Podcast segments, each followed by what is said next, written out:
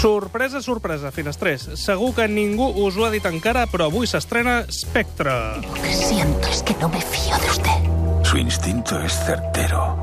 Si no se marcha, moriremos juntos. Se me ocurren muertes peores. Está claro que está loco, señor. Bond. James. Bromes a banda, estem parlant de la saga cinematogràfica amb més entregues de la història. La primera va ser Agente 007 contra el Doctor No al 62, però realment la primera novel·la va ser Casino Royale al 1953.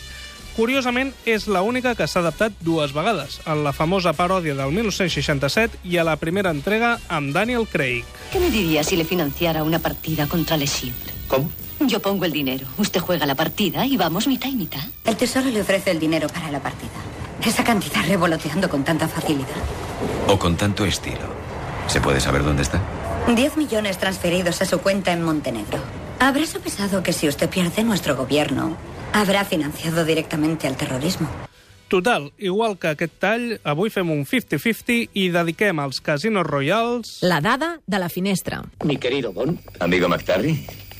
Ransom de la CIA, Sir James. Era auxiliar de cifra en mi- mi- mis tiempos, ¿no, Ramson? Eh, sí, señor, JCC, clase G, es decir, SCCT. Eh, CIA, Washington, DC. Smirnov, KGB, Sir James. Ah, sí, de los ca- campos de trabajo. Z988 KPU, sector siberiano. Recuerdo muy bien a su caca, camarada Lenin. Eh, Magnífico organizador. Mente no tan buena.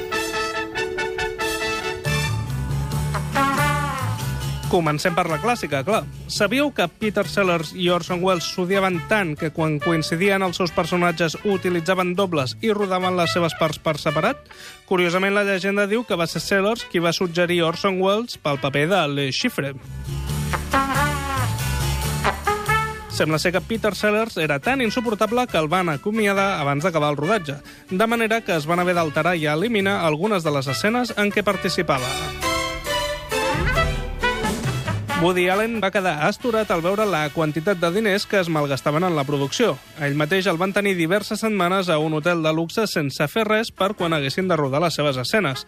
De fet, el seu darrer dia de rodatge es va endarrerir tantes vegades que, emprenyat, va marxar cap a l'aeroport vestit encara com el personatge.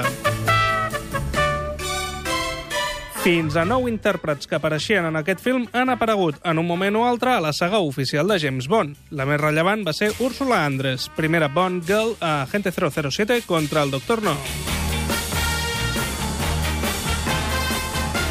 Aquesta pel·lícula es va veure a Guatemala per primera vegada el 3 de febrer de 1976, hores abans d'un gran terratrèmol que va matar milers de persones. Des d'aquell moment va passar a titular-se la pel·lícula de la nit abans del terratrèmol. Peter O'Toole o William Holden van ser dos dels actors que van estar a punt de ser James Bond i apareixen fent un cameo a la pel·lícula. Però, de fet, David Niven era l'opció que més agradava a Ian Fleming. En aquest film, l'agència de Bond és la MI5 i no la MI6, ja que la MI6 es reservava per a la saga oficial.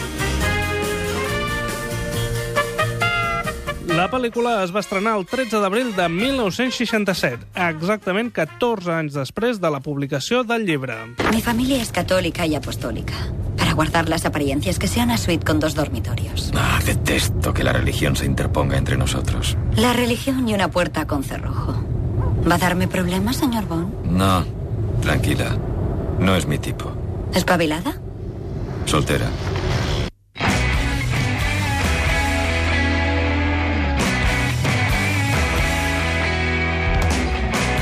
I seguim amb la nova. Daniel Craig diu que va rebre la trucada de Barbara Broccoli per dir-li que el paper era seu mentre comprava. Va deixar tot el que estava comprant i va anar a celebrar-ho amb martinis. És el primer actor que interpreta Bond que no havia ni nascut quan la saga cinematogràfica ja estava en marxa. De fet, havia refusat el paper uns anys abans perquè considerava que l'època de Pierce Brosnan era poc més que una fórmula estàndard. Va canviar d'opinió quan va llegir el guió de Casino Royale.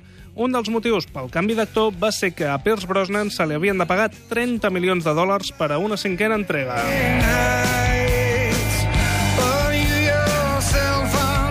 En una sola tarda de rodatge es van destrossar tres Aston Martin valorats en 300.000 dòlars cadascun per l'escena en què Bond volca violentament per no atropellar a Vesper Lynn, que interpretava Eva Green.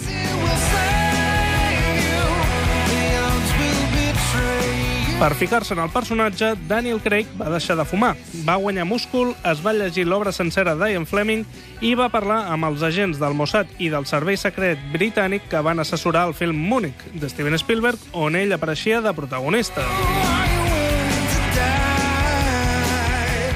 Va ser la primera pel·lícula basada en una novel·la d'Ian Fleming des de Moonraker al 79, un buit de 27 anys en aquell moment. En la famosa escena en què Daniel Craig surt del mar, molts dels membres de l'equip de rodatge estaven en barques intentant mantenir allunyats els paparazzis.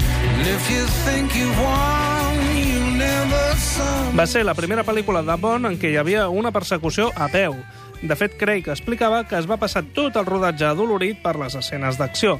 Fins l'estrena de Spectre era el film més llarg de la saga, amb 144 minuts, superant per només un minut Skyfall i per 4 al Servicio Secreto de Su Majestad. Per acabar, Ian Fleming va celebrar la finalització de l'escriptura de Casino Royale comprant-se una màquina d'escriure xapada en or. Aquesta màquina va ser comprada en una subhasta fa uns anys per 52.000 dòlars. I qui la va comprar? Doncs Pierce Brosnan mateix.